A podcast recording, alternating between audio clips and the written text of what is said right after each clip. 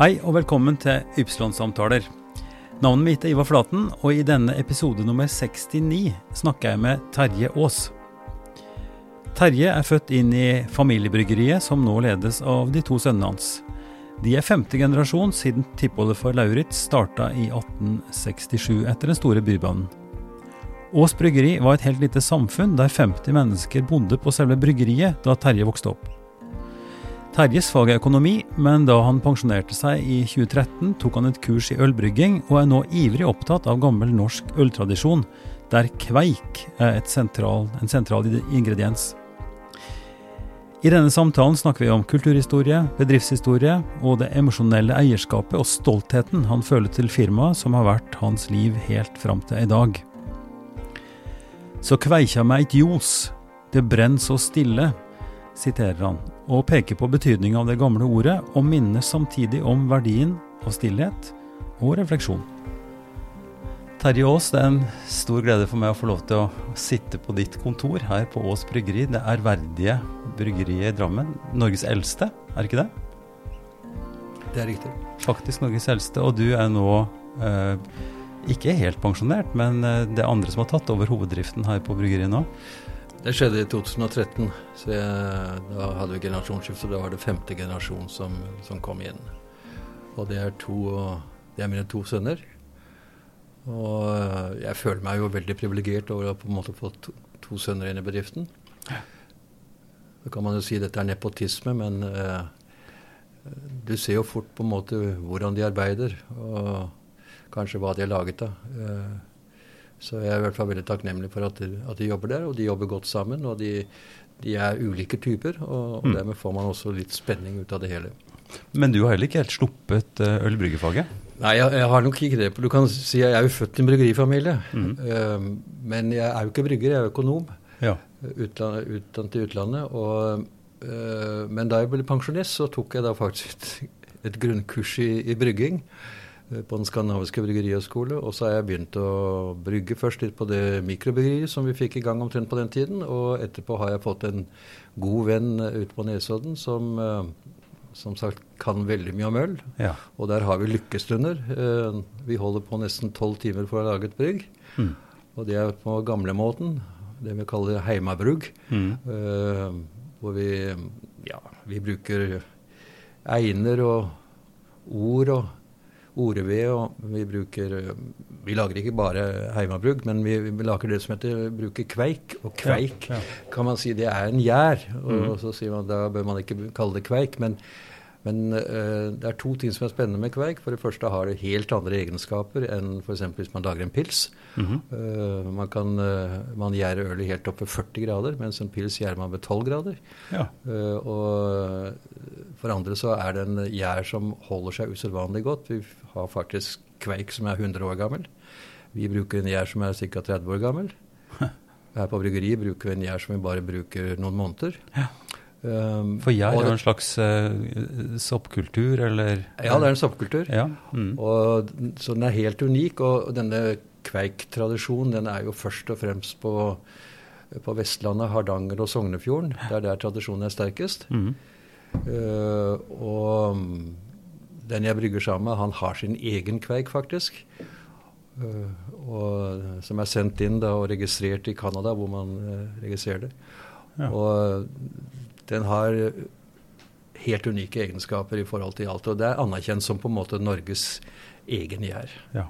Altså, vi er jo allerede langt inn i kulturhistorie. Eh, når du nå snakker om denne kveiken og, og øl bryggetradisjon. Eh, du snakker om Vestlandet, du snakker om registrering i Canada.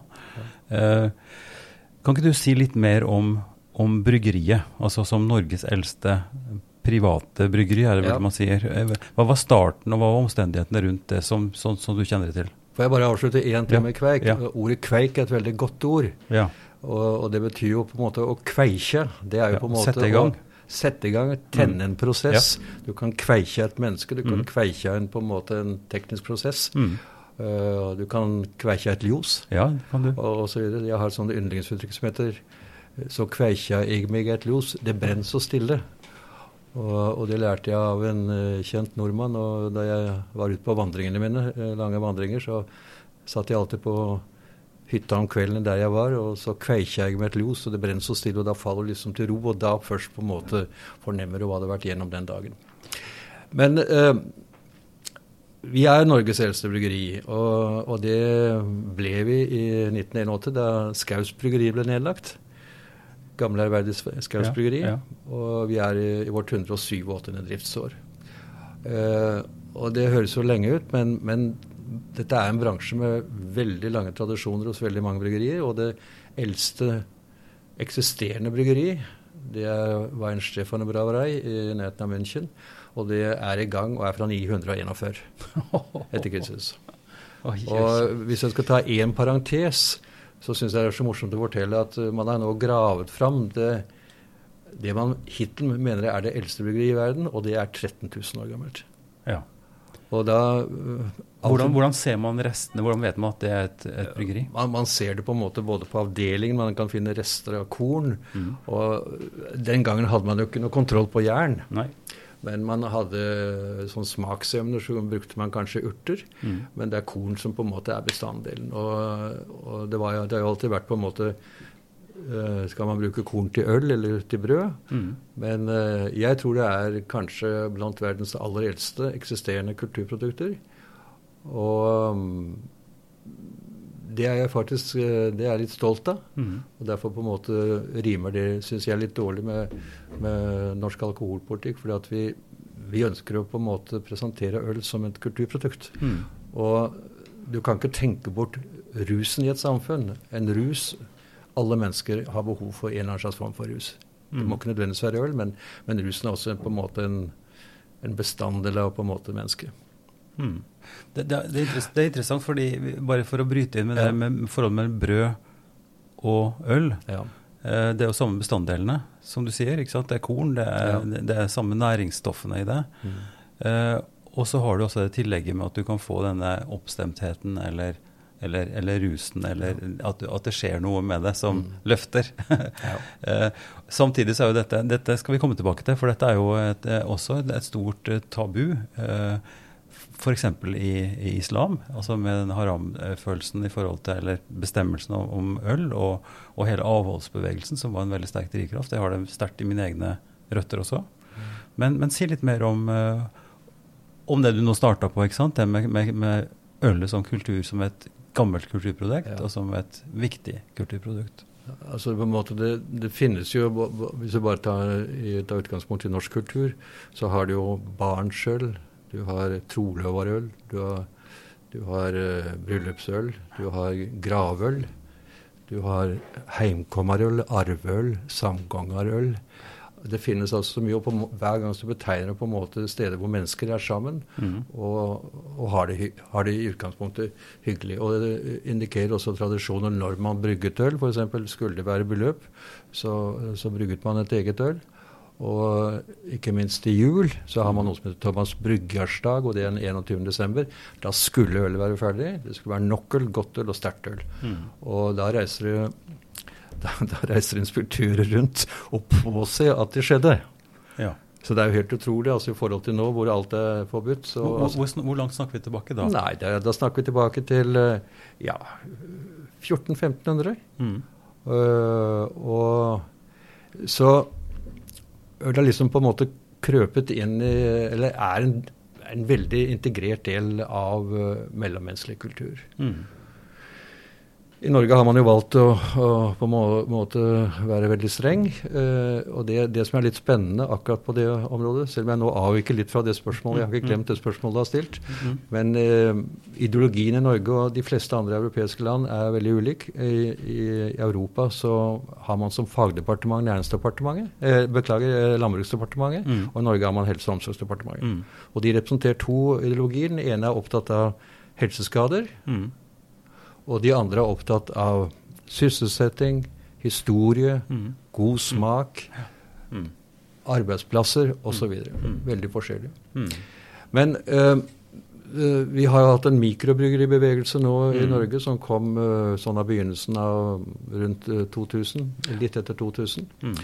Men vi har nok hatt også en mikrobryggeribevegelse før. Um, fra vår tid i 1834 så var det nok etter hvert veldig vanlig at var man en by eller et kjøpsted, så skulle man ha sitt eget øl. Det var mm. liksom en del. Og i Drammen så var det slik at man hadde et øl fra Oslo, fra et bryggeri som het Jøng. Mm. Og da fant nok drammenserne ut at skal vi være en komplett by, så en del av infrastrukturen i byen, det er å ha et bryggeri. Mm. Og da var det en som het Ole Persson som startet opp dette bryggeriet. Han mm. etter hvert ekspanderte til Strømsø, fra Bragnes til Strømsø. Mm.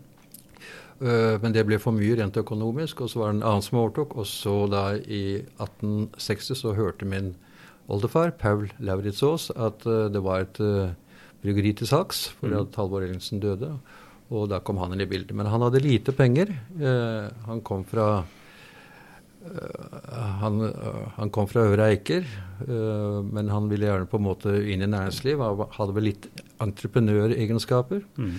Det syns jeg fremgår ganske tydelig. Mm. Og fikk med seg da en som heter Gjessing. Mm. Det er også et kjent drammensnavn. Og som hadde penger, mm. men var mer enn kan vel si en, en finansiell partner. Han var ikke noe mm. særlig interessert i bryggeridrift. Uh, og de holdt da sammen til den store bybrannen i Drammen i 1866. Mm. Og da brant bryggeriet ned. Mm. Og, var, og, han begynte påbyggen med en gang, Per Lauritz men da ville ikke Gjessing være mer med. Og så ble det da et et, eh, et enmannsfirma fram til, 2000, eh, til 1904. Mm. Og da døde Per Aas, og hans sønn overtok. Og da ble det et aksjeselskap. Så i dag er vi 120 aksjonærer fra syv forskjellige familiegrener. Ja. Eh, som prøver å finne et fellesskap. Og for oss er det veldig viktig, for oss i familien, at vi greier å bevare selskapet som et rent norsk familieselskap ja. med 100 uh, av aksjene på våre hender. Hva, og, og det slåss vi for. Hva er tankegangen bak det? Tankegangen bak det er at det er jeg tror at hvis vi hadde for eksempel, Det er jo nok kapasitet, det er nok bryggerikapasitet i Norge uten oss bryggeri. Mm. Jeg tror veldig fort at hvis vi hadde blitt uh, hvis vi hadde gått på børsen eller på en måte åpnet oss for å ta inn eventuelle eksterne aksjonærer, så ville de veldig fort ha på en måte fulgt den vanlige tretringstaktikken. Du beholder pils, og så faller den bort, for du har jo pils eh, f.eks. i Oslo. Mm. Og, og, etter hvert så er vi ingenting. Der ligger vi tilbake her som um, ja, Der ligger vi tilbake med, som et, eh, et godt tomteområde. Mm. Og det er sikkert mange som ser på oss liksom, som alternativ som en, mm. uh, som en, en tomteindustriell. Men uh, for det første er vi veldig glad i det produktet vi har. Vi, vi syns det er en viss stolthet rundt det. For det andre så vil vi veldig gjerne overleve på, i, det, i, det, lengre løp. Mm. Og øh, alt må ikke være stort øh, i livet. Nei. Vi er den stør tredje største bryggeriet i Norge. Uh, men uh, det kan godt være at vi på en måte må også finne andre ben ved siden av, men, men uh, å være et privat selskap, det å gå litt mot, altså gå litt mot vinden, det, mm. det, har vi alltid likt. Mm. Og jeg tror at jeg kommer til å, å snu meg i graven hvis jeg, hvis jeg føler at bryggeriet har gått bort. ja, ja. Nei, men, men det, det, det, skjønner jeg. Det skjønner jeg, det, det forstår jeg faktisk. At, at, det er en veldig styrke i det også i det familiære samholdet. Du sier prøver å holde sammen, men det er jo noe med ja, de ulike familiegrenene og, og, og, eierinteressene her som ja, da, da har en, en, slags felles rot, i hvert fall. som binder Jeg tror veldig mye av dette var også uh, at vi jeg brukte i hvert fall mye av min tid eh, som dagleder av bryggeriet eh, på på en måte å holde fred i familien. Mm. Og i min tid eh, så hadde jeg 14 oppgjøpsårsøk. Ja. men etter hvert så skjønte de at vi var ikke til salgs. Mm.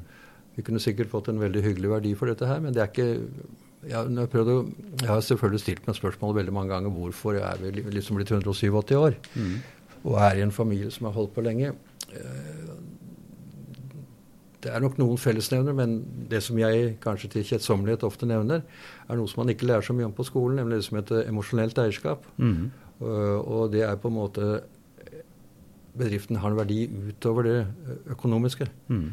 Og hvis jeg ser tilbake på historien, så ikke, opplever jeg ikke Og der vil mange sikkert ha et helt annet syn på familien og oss, men, men jeg føler ikke at vi er veldig materialistiske, og at nøkternhet har vært en slags gjennomgående egenskap for å få dette til. Ved siden av at vi har hatt veldig stabil arbeidskraft.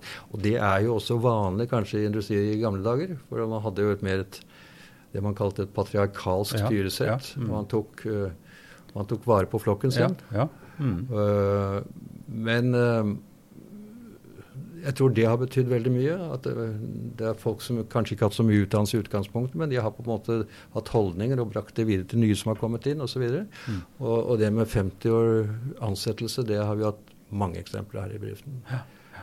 Uh, og vi dyrker en, en, side med dette med Norges Vel. Der har vi også veldig mange. Men i dag er ikke det så mye i tiden. For i dag skal man på en måte på CV-en sin liksom ha hatt kanskje fem forskjellige utfordrende jobber med en stigning i kompleksitet over en tiårsperiode. Mm. Så det er, en, det er, en, litt annen måte å tenke mm. på. Og vi blir nok også på en måte grepet av tiden. Men man må aldri bli nostalgisk og så følelsessterk at man liksom ikke skjønner realitetene i det man driver med. Men, men det, er, det, er, veldig godt å ha den emosjonelle ja, emosjonelle komponenten ved mm. siden av. Mm. Det tror jeg er et liv. Men snakk om uh, altså emosjonell uh, forankring og, og, oppvekst og røtter. altså det som, Du sa jo når du kom inn på kontoret ditt her, at, at her har du levd mye av ditt liv, rett og slett. Uh, og i og med at det er nå femte generasjon, sa du, så betyr jo det at du har altså vokst opp inn i en tradisjon og inn i en familie, inn i et, inn i et yrke eller inn i en virksomhet. Kan ikke du si litt om hvordan det var å være ung Terje? Ja. Altså, det, det, å vokse opp Jeg pleier ofte å spørre om det. Hvordan var barndommen? Hvordan, hvordan ble du den, du den, du nå etter Jeg må bare si I utgangspunktet så er det jo klart at jeg uh, forteller om mine, mine opplevelser. Ja. Jeg vet jo ikke hva folk tenkte av meg. Nei, nei nå snakker, men, nå snakker jeg om deg. Men du kan si at øh, de ansatte på bedriften, det var, følte jeg, mine gode venner. Mm. Og jeg var sammen med dem hver dag. Jeg hadde ganske stor frihet til å få lov til å gå rundt i bedriften. Mm. Uh, og fire generasjoner Aas er oppvokst på bedriften.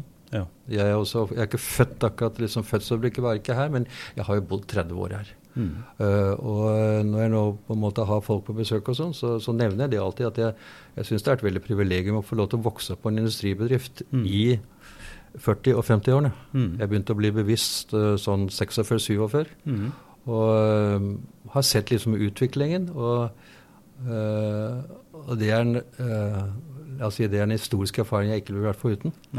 Og, og særlig dette her på en måte nærheten mellom mennesker. Jeg mener, dro vi på skulle vi på bærtur, så liksom hadde vi kom alle omtrent med.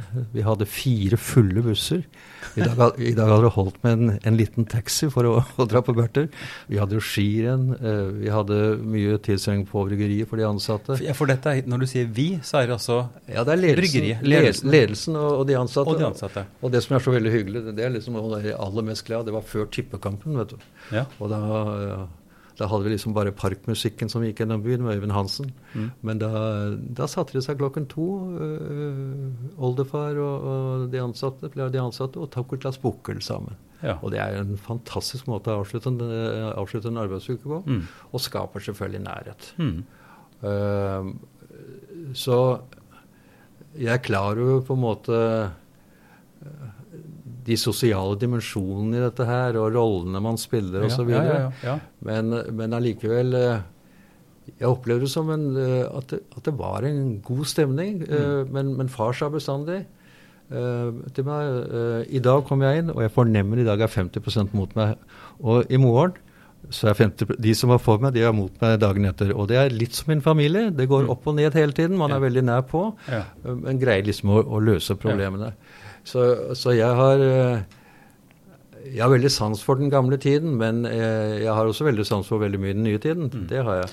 Altså, vi, vi, kan jo ikke heller vurdere, tenker jeg, eh, måten folk tenkte på å jobbe på når du går såpass langt tilbake som din, altså ved starten av oldefar, tippoldefar. Ja.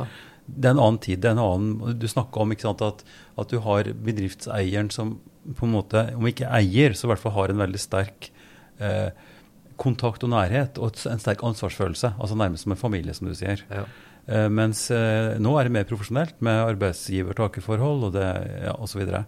Men, det, men, så det forstår jeg, og det er interessant at du forteller. Men jeg er også nysgjerrig på hvordan dette så ut for deg som enkelt, som, som menneske, som guttunge i den familien, i forhold til ja, skolegangen din, familien. Hva var dere opptatt av i familien? Du, du, du var jo ikke her antageligvis hele tiden. Du, du var med Jeg var sammen med venner, men jo, dette var jo en veldig mye morsommere arbeidsplass sånn sett i gamle dager for et barn. Ja. For det første så var det mye mer mørke rundt omkring i ganger. Det var, mange, det var spennende liksom å gå rundt i bedrift. Uh, gå rundt i bedriften, og vi hadde mange grønne flekker her. Og vi hadde jo brenselsforretning som lå vegg i vegg, og det var liksom en sånn trichmir av en kølbinge. Ja. Hva er en brenselsforretning? Nei, vi, vi, begynte med brensel i 1869. Da begynte vi med kull og koks ja. og sinder. Og det lå der vegg i vegg med, med, bryggeriet. Men så ble jo øh, si broen stengt. Vi hadde jo mannen i broen som åpnet broen. Men da kunne ikke båtene komme mer opp med kull. Og da øh, la vi oss ut på Holmen. Ja. Og dette vi har holdt på med til 2007, fra oh, ja. altså 1869-2007. Og det var en stor forretning. Det var ca. en halv milliard i omsetning. Hm. Uh, så jeg har fått også veldig mye med av den. Men, men, det var på mange måter en lekeplass. og så tenk på det, Vi var jo 50 mennesker som bodde på bedriften av de ansatte, med familier. Og, og da blir det, det blir familiært. Hvor, hvor, bodde de? Nei, De bodde bygninger som nå er på en måte erstattet med driftsbygninger. Det, der bodde folk. Uh, hvis du ser på bilder, så vil du se med en gang hvor de bodde. Men, men det er klart Vi blir veldig tett på hverandre. Og, mm. og, og man var Sånn som var veldig vanlig i gamle dager. Da ble formene til lille julaften da ble de invitert inn. ikke sant? Skulle få noen snitter og kopp kaffe, og så får du da en liten konvolutt. Ja. Det var sånn man, man, gjorde i gamle dager. Og mm. dette er jo ikke på samme måte i dag. Nei. Det, det ville ikke gått. Så eh, sånn sett var det en sånn veldig ja, var en veldig sånn sammensmeltet mm. uh, stil. Men jeg må jo også si at jeg så at folk liksom bukket til meg og sånn. Ja, ja, ja. Eh, jeg, og jeg håper ikke at jeg har blitt ødelagt av det i, i sin tid. Men, men altså det, det, hørte litt med til dette patriarkale. Mm. Uh, og man var jo på de. Det var nok respekt på en måte, veldig respekt også for, for daglig leder, men, men, samtidig så Altså, far var jo han var brygge på sin hals. Mm. Og han, han levde i bedriften. Han elsket faget sitt. Mm. Og, men samtidig når han gikk rundt, så han kunne jo Og dette er det mange som har sagt før, øh, men han kunne jo historien til alle sammen. Han visste jo hvordan de hadde det. Hvor mange barn de hadde, når de hadde fødselsdag, og om det gikk bra i familien eller ikke, osv. Og, ja. og, og dette er en dimensjon som man ikke skal kimse av. For dette litt, har litt med dette som vi i dag snakker så mye om øh, i så mye bøker liksom, å se, se de neste. Ja, ja, ja. Og, og, I gamle dager så så man sin neste. Mm. Det var kanskje en slags kommandoforhold som er litt annerledes i dag. Mm. Litt stivere. Men uh, når det kom til det, når man var sammen i lag, så var man veldig knyttet sammen. Mm. Og jeg merket jo også tempoet var ikke på samme måte. Stoppet man, Møtte man hverandre i bryggerigården, så, så sto man og snakket sammen. Mm. Så, det, så, det, var veldig mye en familie. Uh, alt jeg kan si på godt og vondt, men, men allikevel gjennomgående. Jeg sitter tilbake med veldig sånne gode minner. Og uh, jeg blir jo selv uh, daglig leder for mange av disse her. Og jeg har liksom hver gang følt når noen har sluttet, så har jeg følt vemod. Mm. Uh, for at de har, betydd, de, har, de har, betydd, mer i mitt liv enn jeg har vært klar over. Ja, ja. Uh, og, akkurat, og, jeg tror uh, det kan i beste fall ha utviklet noe av på en måte den sosiale dimensjonen i ditt eget liv. Mm. Ja. Jeg spør ofte også mine gjester i denne podkasten om hva slags forhold familien hadde til, til tro og livssyn. Altså Du har snakket om både det moralske og ansvaret og, og, og, og fellesskapet. Men i forhold til kirke, i forhold til høytider, nå tenker jeg på din egen del, hva var ja. familiens tradisjoner rundt det?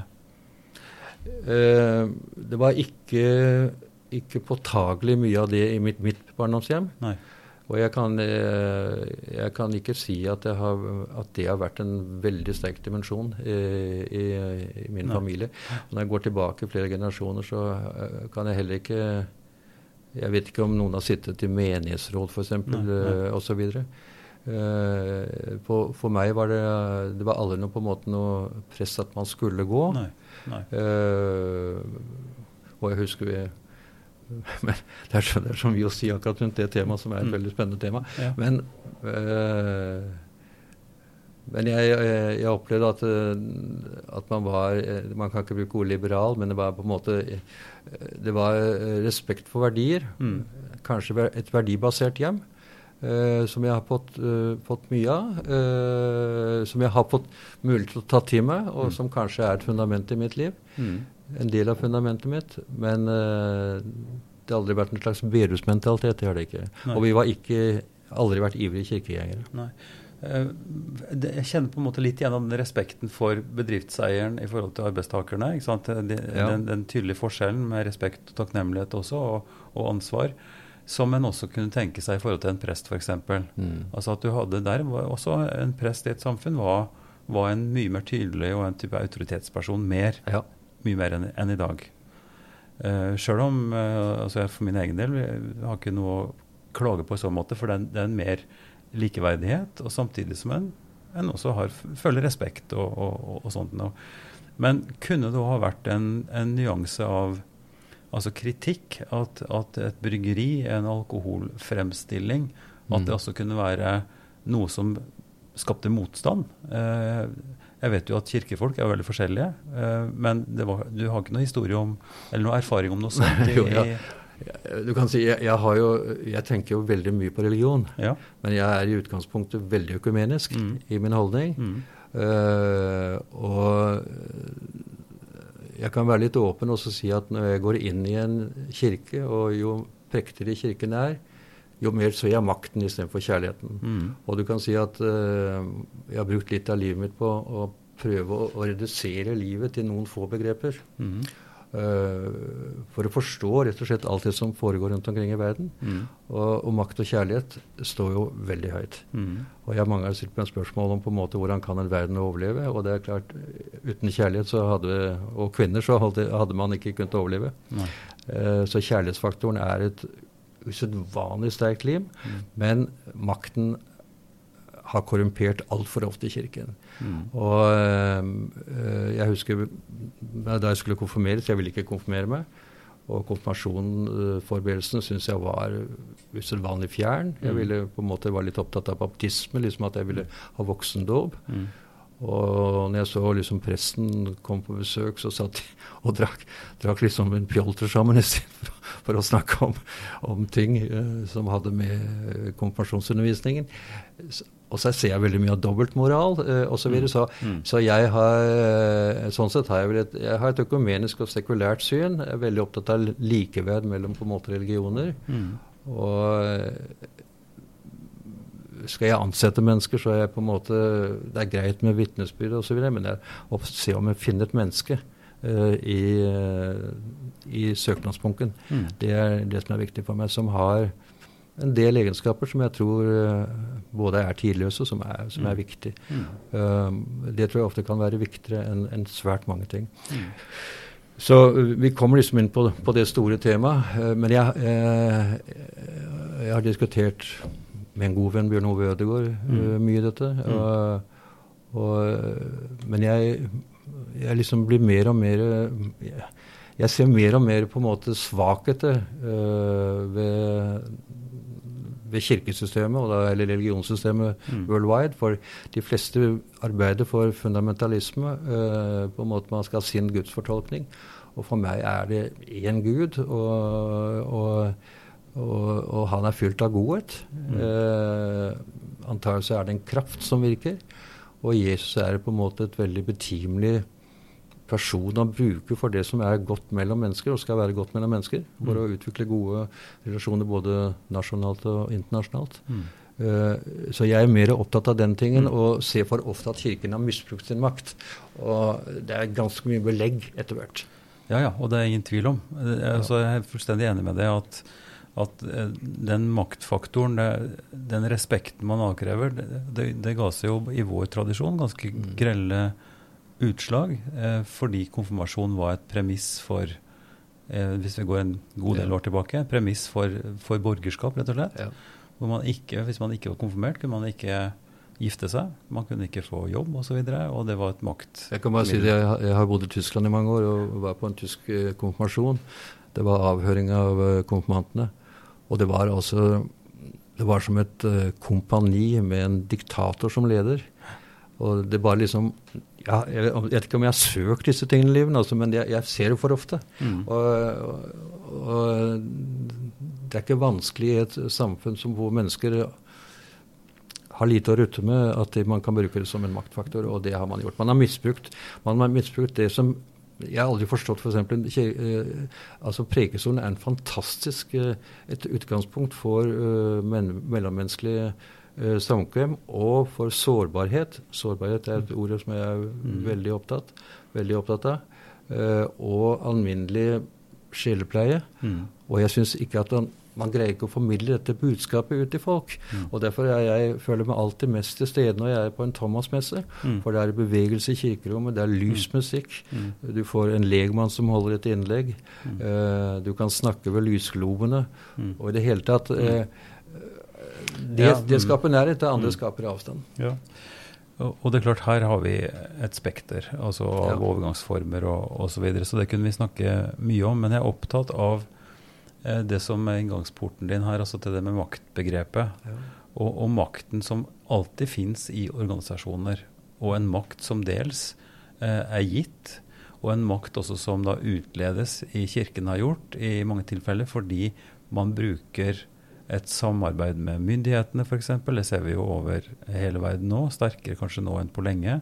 Hvor, hvor uh, verdslig og kirkelig åndelig makt går sammen, og hvor en ser en fordel ved, eller at det, at det, at det, eh, at det er opportunt ja. eh, å gjøre det fordi at man får større tilfang, man får flere kirker, man får osv. osv. Så, så, så dette er et stort og viktig poeng, men, men den, makt, eh, den, makten fins jo i den fins i, i hele, hele, strukturen. Og man bruker makt, og man misbruker makt. Eh, det er, dette er interessant, for vi snakka nettopp om det i samtalen med Jens Haugfoss. Om, dette, om kjærlighetsbegrepet, om gudsbegrepet. Eh, Jens som, eh, som humanetiker, eh, som da ikke vil Eller vil. Han sier i hvert fall ganske åpent at han, han tror ikke på noe, noen gud. altså Han trenger ikke noen gud, for han snakker om menneske og menneskelig verdighet og menneske, mm -hmm. menneske som det viktige.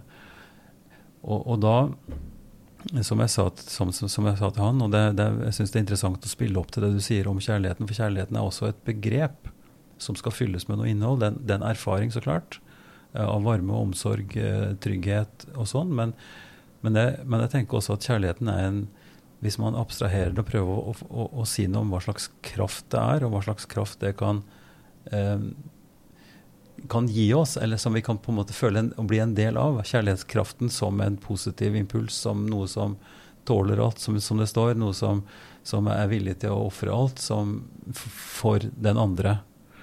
Og at den kjærligheten kan man, kan man, kjenne igjen i mennesker. Man kan kjenne det igjen i, i gode ting som skjer.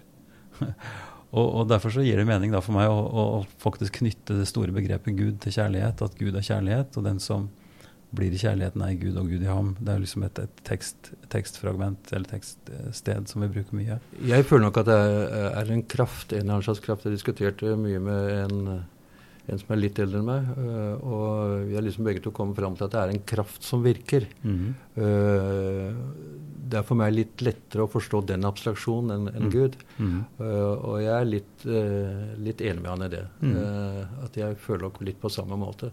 Men at det er noe som gjør at alle de uendelige milliarder av prosesser som skjer i, i verden, at de kan kanskje gå i spesielle retninger. At det er noe som styrer oss. Ja, du, du, kan stille først spørsmålet hvordan får du på en måte et uh, etisk fundament i livet? Mm. Altså, er, er, det medfødt, mm. eller er det dyrket frem?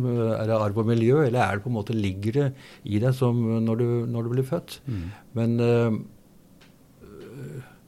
kjærlighetsdimensjonen uh, Jeg bare tenker på på all grusomhet, og hvordan da kjærlighetsdimensjonen allikevel overlever. Mm. Uh, den kan kanskje bli utydelig uh, mange ganger, men, men uh, hvis du tar helikopterskinn ned på verden, så vil du oppdage at det, det er faktisk den til syvende og sist som, som, er den vinnende kraften, mm. og at den kanskje ligger i en at den kanskje ligger i en, i en, en åndelig kraft som du ikke kan tegne, men som du bare kan mm. fornemme. Mm. Og fornemme tror jeg er et godt uttrykk. Eh, det, det, er en, det, er en, slags intuitiv, mystisk dimensjon i det også. At man blir berørt av det. Man blir, man blir båret av det. Man blir noen ganger uh, helt satt ut. Altså det, og det, kan skje ja. i musikk, det kan skje i, i, et møte med et menneske, det kan skje i, altså på en fjelltopp på havet. altså den der, den følelsen av at det, det, er et øyeblikk eller noe som åpner seg, eller noe som, som gir dyp mening, men som ikke har så mange ord. Mm. Og som det er vanskelig det, Med en gang du begynner å sette ord på det, så, det, så forandrer det seg, eller blir noe annet. Eh, og, og, og, dette Altså, vi, vi, har jo språket da, som et hjelpemiddel, eh, og begrepene våre og tradisjonen vår, som vi prøver å bruke for å forstå disse fenomenene. Mm. Og Derfor så mener jeg at, at, det er en interessant og viktig samtale mellom folk av alle slags kulturelle bakgrunner og trostilhørighet å snakke om hva dette er. I min, i, i, min, i, mitt, I, min, forstand så er jo gudsbegrepet slik at det per definisjon unnslipper uh, beskrivelser og definisjoner. For med en gang vi har en formel på det, så har, snakker vi om noe annet. mm. Det er nesten som uh, ja, kan si nesten det som kvantefysikk. At du begynner å beskrive det, så blir det plutselig noe annet. Mm. Og, og det, det noe, men dette er ganske men, mystisk. Men, men, men, det, men, men filmen kjærligheten er at den manifesterer seg. Den manifesterer ja, ja, seg så ofte. Ja, og, og, det er ikke så lett hvis jeg på en måte tror på en kraft, så er det ikke så lett å på en måte greie å definere kraften. Uh, du, kan, du, kan, føle den, men, uh, men, kjærligheten manifesterer seg hele tiden. Og du skjønner hvilke mekanismer i kjærligheten som på en måte kan være den reddende engel i livet. Mm. Mm. Så for du, du, du, får jo ikke svar på om du er prest eller ikke. Du får jo ikke svar på når Hitler og Stalin tar livet av 60 millioner mennesker. Du får jo ikke noe svar. Nei. Uh, du, du, kan ikke få noe logisk svar på det. Nei. Så, uh, men uh, jeg husker jeg hadde Jeg har vært veldig feig. Jeg har sikkert vært feig mange ganger i livet, men jeg er særlig feig en gang. Jeg var en, en maktperson som, som holdt på å si misbrukte meg og andre, og jeg tok ikke ordentlig oppgjør med han. Og så hadde jeg en av, gikk jeg fire uker i fjellet sånn i ensomhet. Og da var jeg opptatt av ett tema, og det var hvordan du finner følelsessentre i mennesker. For finner du følelsessentre i mennesker, så har du mulighet til både å kunne gjøre noe med det, og du kan på en måte få en mer balanse i forhold mellom de to personene. Og alle mennesker har et følelsessenter, men noen kan ha det så på en måte nedgravd at det er umulig å, å, å mm-hmm. grave det frem. Mm -hmm. Men uh, da fikk jeg Det er et par andre ting som jeg opplevde veldig sterkt på den turen. Og det var for det første det jeg nevnte med lykke. Mm. Uh, for jeg så, jeg så, ikke mennesker. Jeg var mm. alene, og det var i, dette var i nord. Mm. Og et par ganger kom selvfølgelig den forbi, men jeg snudde meg aldri. Jeg hadde ikke behov for å på en måte se. Jeg hadde fjelltryggheten og, mm. og følte med. Og så kom jeg da en gang i flytsonen, mm. og da fikk jeg anledning til å se inn på mitt eget liv. Mm. Det var dessverre altfor kort, mm. og det var altfor sjelden sånt skjer i livet. Men, men, da så jeg det som i sum går ut på at livet er enkelt å forstå, men vanskelig å leve. Mm. Men jeg så meg selv utenfra og se inn på livet. Og det, det, jeg er veldig glad for at jeg én gang i livet har i hvert fall fått lov til å oppleve det. Mm. Og da jeg kom ut fra turen, så husker jeg skulle skrive om det i Turistforeningens årbok i Drammen. Mm. Og um, da fant jeg ut at uh, få tak i verdens uh, mest blodtørstige ledere og sende dem ut enkeltvis én og én naturen med, med lite uh, hjelpemidler. La de være der helt alene, finne fram. Og Kanskje verden hadde sett andre ut. Uh, uh, uh, for jeg tror på en måte du blir veldig fort deg selv når du på en måte er helt avhengig av deg selv. Mm. Og hvor det ikke det er verken noen som dikterer deg, eller på en måte det motsatte. Men at du må bare overleve selv. Mm. Det er noe naturen gjør noe med meg. Og i, i, mitt liv så har nok naturen Jeg har vandret i fjellet i 60 år. Mm. Og jeg tror nok at i mitt liv så har naturen vært en, en av jeg føler ved forskjellige anledninger har vært et veldig sånn viktig ballast i, i mm. mitt liv. Mm. Ja. Og særlig dette med, med ensomheten, for det er veldig forskjellig å gå to og ett menneske mm. eh, på tur. Mm.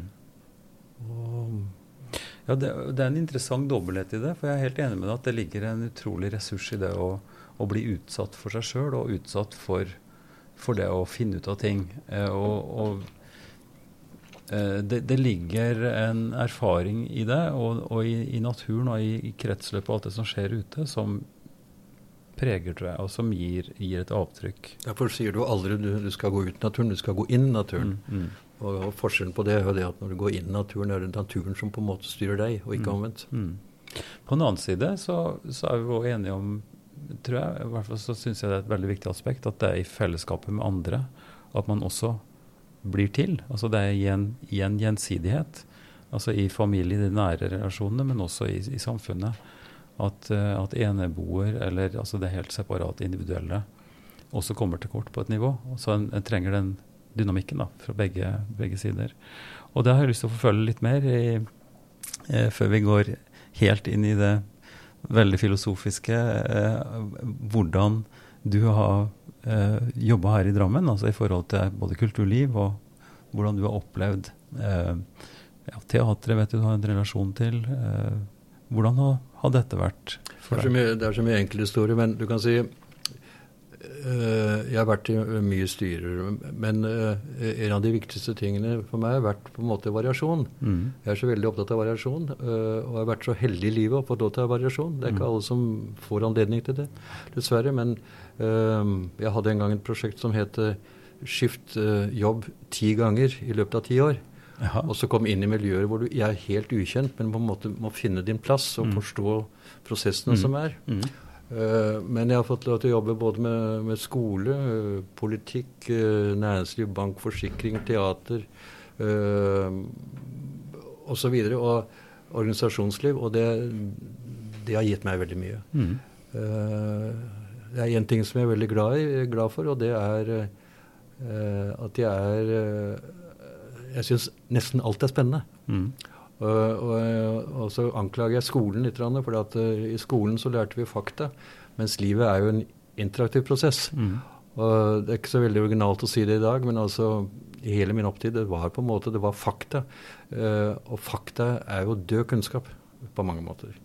Uh, så liksom og så lærte man veldig mye på at man skulle fokusere på forskjeller. Mm. Men jeg, jeg, tror faktisk det jeg tror faktisk ikke det finnes motsetninger i livet, men det, det finnes bare sammenhenger. Mm. Men man må bare på en måte heve seg litt opp for å se mm. ned på, på mm. akkurat på den ligningen. Men, men eh, Og så syns jeg livet nå på en måte marginaliserer så mye at eh, det er liksom den minste ting så lager man veldig mye komplikasjoner rundt. Og det er selvfølgelig for at aviser skal overleve og man skal holde debatter i gang, men, men jeg syns livet vanskeliggjøres nå for, for livet sin enkelhet. Eh, livet er enkelt i seg selv, mm. men man, man, kompliserer seg. Og, og ved, kom, ved, å komplisere livet så skaper man avstand. Mm. Et viktig perspektiv i denne samtaleserien er jo innafor og utafor. Altså det å komme inn i en sammenheng, komme inn i byen vår utenfra. Vi er ja. et samfunn som er, som er, fargerikt, for å si det litt eh, floskelaktig. 150 nasjoner er representert ca. Ja. Eh, folk kommer fra krig og ufred, og, ja. og, og, andre kommer for å finne jobb. Sånn som det har vært her i veldig mange år. Ja. Altså Drammen er jo en internasjonal by fra starten av, hvis du går på kirkegården på Strømsø f.eks. og ser. Ja. Uh, så dette er jo noe som ligger i, vårt, i vår genetikk, kanskje.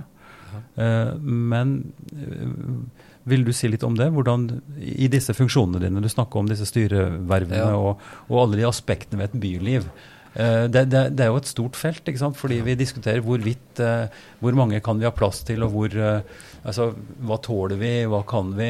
Skal vi holde fast på tradisjon og, og, og jobbe videre innenfor de spor som vi kjenner godt? Mm. Det er jo det ene sporet som er helt åpenbart ditt. ikke sant? Det med den lange tradisjonen, tilbake til røttene når det gjelder brygging, alt dette som er norsk og, og tradisjonelt. Men så har du også det aspektet utenfra. Det med dynamikken, det med kreativiteten, det med utviklingen som et samfunn alltid må må ha. Eh, hvordan ser du på dette? Du kan si at vi, vi, startet før vi på en måte begynte å snakke sammen. Med mikrofon så spurte vi spørsmål er mennesker likeverdige. Mm. Og, og, det Når man leser historien, så ser man jo at det ikke er tilfellet. Og spørsmålet om, om, om, det er riktig. Og det er nok uh, innerst inne uh, ikke riktig at mennesker ikke er likeverdige. Men jeg ser at det er et tema som er ganske politisk på mange måter, så man kunne si mye om det. Men jeg skal ikke si mer om det nå. Men jeg er nok, jeg er nok for et fargerikt fellesskap. Og jeg tror vi har lang vei å gå for, for å integrere. Og den viktigste tingen, det er språk mm. uh, i min verden. Jeg har bodd i utlandet i syv år, og, og jeg forstår ja, Jeg tør nesten ikke å si det, men mm. altså, hvis man flytter til utlandet, så liksom søker man nordmenn. Eh, for meg var det ganske fremmed. For meg mm. var det, var det mye mer interessant å søke folk i det landet jeg bodde. Mm. Og for det første så, så, så lærer du selvfølgelig én dimensjon av livet ved å komme inn i forskjellige familier osv. Men du får denne språkdimensjonen. Og jeg tror språk er så usedvanlig viktig, og det er også veldig viktig for Det er kanskje det sterkeste kravet man stiller til folk som kommer til Norge, at de, de, lærer seg språket så godt de kan med sine forutsetninger, men at det er en vilje og et krav også fra myndighetene til å ta med språket. For det er grunnlaget for kommunikasjon. Mm. Og vi må kommunisere for å kunne uttrykke det som vi føler av tvil og tro. Uh, men i utgangspunktet er jeg for et fargerikt fellesskap. Og jeg har jobbet for lite med det. Vi har hatt folk fra utlandet her på bedriften, men det har ikke vært påtrengende mange, men, men vi har hatt mm. gjennom tidene. Uh, men jeg tror på jeg tror på denne fellesinspirasjonen. Og du lærer deg nyansenes betydning, og du lærer hva som og så tror jeg vi er mye likere enn som så, for at vi snakket om makt og kjærlighet. De nære ting. Mm. Det er noe som også opptar meg veldig mye. De nære ting. Og skal du forstå en ting, så må, må du på en måte forstå hva betydningen av den nære ting for det enkelte mennesket. Mm. Um, og da er språket en veldig god hjelp. Jeg husker første gang jeg, jeg hadde akkurat kommet til Tyskland. Og jeg bodde nesten fem år. Og, og da merket jeg vi kunne diskutere, liksom, men så begynte vi å skulle snakke om følelser. Mm. Og da må du liksom litt opp med en gang. Mm. Eh, da må du få litt flere gloser for å kunne, kunne uttrykke det. Men jeg tror veldig mye på, på, at språkkunnskap er viktig. og Hvis jeg er folk som liksom bosetter seg i utlandet, så syns jeg det liksom Jeg blir alltid litt sånn bedrøvet når jeg sier at man, man søker bare sine landsmenn. Man, man må, må, søke, må søke uh, livet og på en måte hverdagen, eh, og særlig hverdagen, å få lov til å leve hverdagen med folk i det landet. Mm. Eh, det er viktig for meg.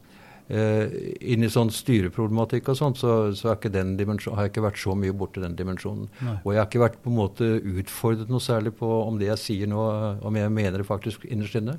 Men uh, sånn med sånn litt analog tenking så tror jeg jeg mener det, at jeg, jeg er veldig for et fargerikt fellesskap. Mm. Uh, og skal man få respekt for hverandre, så må man, må man kommunisere med en ting, og det er språket. Og det, og det er jo det også å bli utfordret, tenker jeg, på, på sine egne tanker. Det, ja. det, det, er en del som vil ha det til at, eh, at det som jeg jobber mye med, med, med, med dialog, altså samtale med folk som er veldig ja. forskjellige i, i, tankegang og, og, bakgrunn og religion, ja. at, at, det, ligger en slags fare i det. At man, at man blir utvannet eller at det blir en eller annen type blanding i det, en, en, en, svekkelse av sitt eget. At man da tvert imot vil gå inn for å holde avstand. For å styrke sitt ja. eget og for å kunne bli sterkere i sitt eget. Mens erfaringa er jo den motsatte og det utrolig interessante i det å, ja. å, utforske den andres tankegang. Når man snakker på så noenlunde like fot, så blir man også utfordret til å finne eh, kanskje dypere sine egne røtter og finne ut hva man egentlig står for. Mm. Og at det blir en dynamikk i det som, som er utrolig interessant og utfordrende. Eh, og jeg vil tro at på samme måte som i, i, i kultur, bakgrunn, eh, tankemønstre, at, at, det er interessant, så vil det også være interessant i en type kreativ eh, utviklingsprosess. For, for, å ta, for, å ta, et samfunn videre, for å finne ut hvordan man kan gjøre ting på en annen måte som, som kanskje åpner nye perspektiver, ja, som vi så trenger. Det er ikke så mange år siden man begynte å integrere i all verdens kommisjoner og utvalg og råd og sånn, på en måte folk fra andre land her i Norge. Det er jo ganske kort tid siden dette liksom begynner å bli normalisere seg. Man må ikke glemme at vi har vært gjennom en tid hvor, hvor det har vært ganske mye sperrer. Ja. Så jeg hilser den uh, utviklingen veldig velkommen. Ja. Uh, og igjen ut fra det at uh, som mennesker har vi i grunnen de samme verdier og drifter og overlevningsmekanismer uansett hvilket land man er. Mm, mm. De der ting er like noe som eh, har prega min barndom og oppvekst, som jeg var så vidt inne på når vi starta opp, det her med, med, den utrolig restriktive holdninga til, til, rusmidler. Mm. Uh, mine besteforeldre, bestemor født i 1906, bestefar på altså 19, nei, 1897 eller noe sånt nå. Mm. Bestefar som lærer og, og klokker, uh, og, og, bestemor da som husmor, men fra haugiansk tradisjon. Og, og veldig sterke på, på sin eh, ja, motstand mot disse eh, markørene, f.eks. kortspill, pengespill, mm. eh, alkohol, men også teater og dans. Mm. Alt dette som er en slags som en så på som en slags eh, gravitasjonskraft som dro en bort ifra mm. det sentrale. Uh, og I, I, mitt hus var det jo ikke alkohol. Eh, første tror jeg nesten alkoholen som kom i huset, det var fra tyske venner. Jeg var ute og haika tidlig som 18-åring. Og så kom en tysk familie og besøkte oss i Oppdal, og hvor de kom hjem til mine foreldre med, med to flasker med Weinbrandt og noe veldig god vin. Som de så klart tok imot uh, høflighet, men som var fremmed. Mm. og det, det, andre som jeg husker, det var min bestemor fra Dombås som hadde med seg en liksom halv flaske konjakk som sto øverst i skapet. Hun tok en spiseskje for kvelden for magen. Mm. Ikke sant? Det er alkoholbakgrunnen min, og, og, en stor forsiktighet med alkohol. Mm. Uh, og jeg vil tro at, at brede kretser i Norge også, i, i avholdsbevegelsen, som begrunner det sosialt. Ikke sant? De sier at her blir en uvettig bruk av ja, ikke, ikke, øl nødvendigvis, men med sprit, da, eh, kobla mot eh, pengespill osv. Den der slipping slope-tanken. Så dette må vi passe oss for. Dette har du sikkert hørt en million ganger. Men, men du snakka om kulturen. Du snakka i begynnelsen om alle disse forskjellige seremonielle bruken av, av øl, f.eks. Mm. Men, men, skjønner du perspektivet, og, og, og hvordan, hvordan, møter vi det? Altså kulturen mot ukultur, eh, bruk mot misbruk. Mm. Dette er også akkurat det samme dualismen som vi snakker om, at mennesker dras i, i forskjellige retninger. Eh, og hvor slike ting da som alkoholen blir en symbolsak som en går hardt ut mot, for man tror da at man Og kanskje til en viss grad så kan han hjelpe noen. Men hva tenker du om dette? Ja, altså, det er et veldig stort tema når, du snakker med en brygger. Ja. Men for det første bare si litt om, om eh, avholdsbevegelsen. Mm. Eh, vi regner jo veldig mye avholdsbevegelsen kom fra Amerika sånn 1750 omtrent. Mm. Og så fikk vi da i Norge et ganske restriktivt uh, 19, 19. århundre. Uh, hvor man også hadde på en måte totalforbud mot alkohol med Asbjørn Kloster. Det er vi til, mm. opp i 1870. Mm. Og så har vi forbudstiden, som, eh, som, jo slo i grunnen ganske bredt. Og det endte da med at vi fikk også Vinmonopolet i 1922. Mm. Uh, men det er, det er, noen ting som går igjen i på en måte hos meg. da. Mm. Punkt én fundamentalisme. Det har jeg mm. nevnt et par ganger. Mm. Men uansett hvilket område av livet jeg er på, mm. Mm. så liker jeg ikke fundamentalisme. Og ofte er det slik at sannheten er omvendt proporsjonal av det du, det du, ser. De som på en måte er de helligste, det er kanskje de som på en måte er de slueste når det gjelder om det er alkohol eller andre ting. Mm. Det er noe som heter loven om det omvendt proporsjonale. ja. Det er det visuelle i forhold til virkeligheten. Ja, ja, uh, men derfor har vi på en måte her på bryggeriet vi legger veldig vekt på det å fortelle. Altså på en måte kalle en slags uh, folkeopplysning. Mm. Uh, og det er, en, det er en så på en måte tydelig ting i samfunnet gjennom historien at du ikke kan komme bort fra det. Men jeg har den største respekt for alkoholisme. Jeg har den største respekt for på en måte å utfordre mennesker som har et alkoholproblem. Eh, det er også det dummeste bryggeribransjen ville gjøre. Uh, på en måte ved å ikke ha, ha den holdningen. Mm. For vi ønsker jo ikke fyll eller på en måte konsekvenser av fyll. Det, det, det slår jo utover Bryggeriforeningen og bryggerinæringen selv. Mm. Eller si bryggerinæringen. Mm. Så, uh, uh, så vi ønsker at folk skal ha det hyggelig. Vi har et begrep her på bryggeriet, en visjon som heter gode stunder. Mm. Og det er mange som sier at vår livshistorie er dessverre ikke bundet i gode stunder i forbindelse med alkohol, og det forstår jeg selvfølgelig veldig godt. Mm. Men de, svært mange har et helt normalt forhold og hygger seg. Mm. Med et øl. Jeg, jeg pleier å selge sterkt øl, ja, for ved et sterkt øl så, så er noe som heter slow drinking og fast drinking. Mm. Drikker du en pils, så kanskje er det litt på fast drinking-skalaen, men en, drikker du sterkt øl, så på en måte fornemmer du på en måte Det, det blir, en, det blir en, det er en øvelse på en måte å avsløre ølets rikdom. Og ja, ja. jeg kunne holde et foredrag for deg om det, men, men, altså skape en hyggelig setting, en mm. hyggelig samtale, mm. stearinlys, mm. riktig glasstemperatur. Og, mm.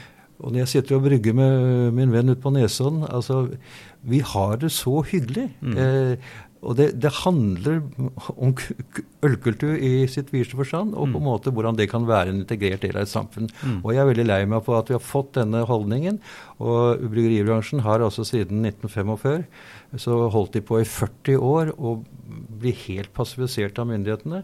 For man skulle vurdere om man skulle lage et ølmonopol i Norge. Mm. Og da kan man tenke at man skal investere. Man, man vet jo aldri når man kan investere. Kanskje Nei. det er helt unødvendige investeringer. Mm. Så, og det syns jeg Og vi hadde heldigvis den folkebevegelsen for å opprettholde pilsen mm.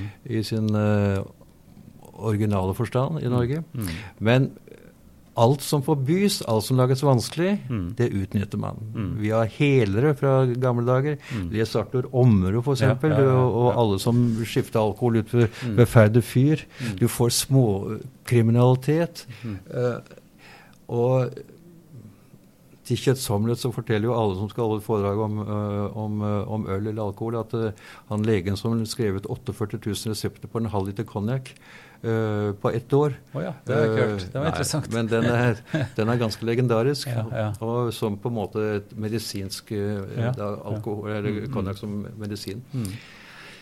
Men jeg tror ikke på det. Jeg tror at hvis du på en måte arbeider mot menneskenaturen, så mm. får du akkurat de virkninger du ikke ønsker. Mm. Ja. Og det, og det, ligger jo også det, det kulturhistoriske som du nå snakka om. Uh, og det, var, altså, det hadde jo sammenheng, sånn som jeg forstår det, ute på gårdene, så, eller i, tilbake i Snakk om i, i barokktida eller på 1600-tallet og sånn, så, så, var det vel dårlig drikkevann. sånn at da var jo øl også en del av forsyninga som folk fikk. Men det sies også, og dette er kanskje sånn hearsay som, som jeg har fått høre da i min uh, anti-alkoholist-propaganda, uh, men at at en del eh, domstoler også eh, måtte avslutte forhandlingene tidlig på dagen fordi at det ble servert for mye alkohol. Ikke sant? Eh, dette, dette, dette, kjenner vi i bransjen. Man, ja. Du begynte tidlig på dagen, men man begynte tidlig. Ja, ja, man begynte gjerne klokken syv, fordi at folk blir beruset utover dagen. Og det, at det har vært mye rus i dette landet, det er jo ikke tvil om. Og du kan si at uh, vi her i bransjen vi sier at liksom den lykkeligste tiden i vår bransje, det var fra, 1918, fra 1816 til 1845. For da, uh, da, brukte man vin for å demme, uh, da brukte man øl for å demme opp for, for sprit. Ja. Mm. Uh, for det, var, det ble drukket enormt mye. Ja. Og jeg bare tenker på liksom, Kan bare lese Rudolf Nilsen og bare se hvor mange som kom uh, Når de fikk lønningsdag, så gikk de før de gikk hjem, så takk de og drakk, drakk opp pengene, og så på en måte ja, ja, ikke sant? Det, og det, den, den kjerringa. Og, det, og det, den ja, men dette er sanne bilder. Dette er, dette er, jo sanne bilder. Jeg vet, jeg men, det er, men, det brukes også betimelig, selvfølgelig. Ja. Men uh, da må du skaffe en motkultur. Og, mm. og jeg tror det motkulturen er rett og slett folkeopplysning. Mm. Og på en måte å lære å sette pris på mm. innen rimelige mengder. Mm. Uh, vi bruker veldig ofte begrepet 'moderate drinking', mm. og, og, det tror jeg også har helseeffekter. Jeg, jeg er veldig begeistret for ett land og, for alle mennesker må jo tømme, tømme ventilen en gang i døgnet. Ja, ja, ja. Og, og, særlig i Irland. Der brukes 80% av ølet det drikkes på puben.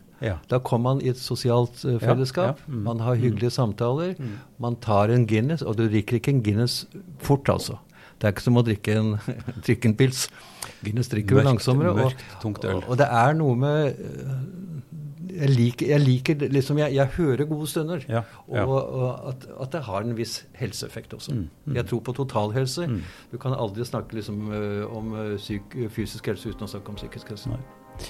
Altså, Vi har bare pirka litt i en overflate her nå, eh, Terje Aas. Jeg, jeg, jeg, tror vi, vi, burde ha egentlig hatt eh, en, en lengre sånn kulturhistorisk eh, samtale rundt dette. Men det har vært veldig interessant eh, å få snakke med deg, at du tok tid til denne samtalen. Og så eh, får vi holde kontakten videre. Og, og jeg ønsker deg lykke til, både med, med kveikarbeidet på, på Nesodden og, og minibryggeri og det store bryggeriet, som du fortsatt er aktiv i, ser det ut som for meg. Jeg sier tusen takk for at jeg ble spurt om å komme til en samtale. Jeg syns det har vært veldig hyggelig. Ja, takk skal du ha. Jeg er veldig glad for at du lytter på Ypsilon-samtalene, podkasten som eh, nå er lasta ned ca. 10 000 ganger fra vi starta for halvannet år siden. Det går mot sommer, og vi tar en pause om ikke så lenge. Men det er veldig fint om du kan anbefale podkasten for dine venner og abonnere på den gjennom podkastappen din, eller du kan lytte til den på www.ypsilonsamtaler.no. Podkasten er støtta av eh, Drammen kommune, eh, av Juls legat, eh, og også ifra Barne- og familiedepartementet. Ansvaret for podkasten den er Ivar Flaten som har, og den er utgitt av Kirkelig dialogsenter i Drammen.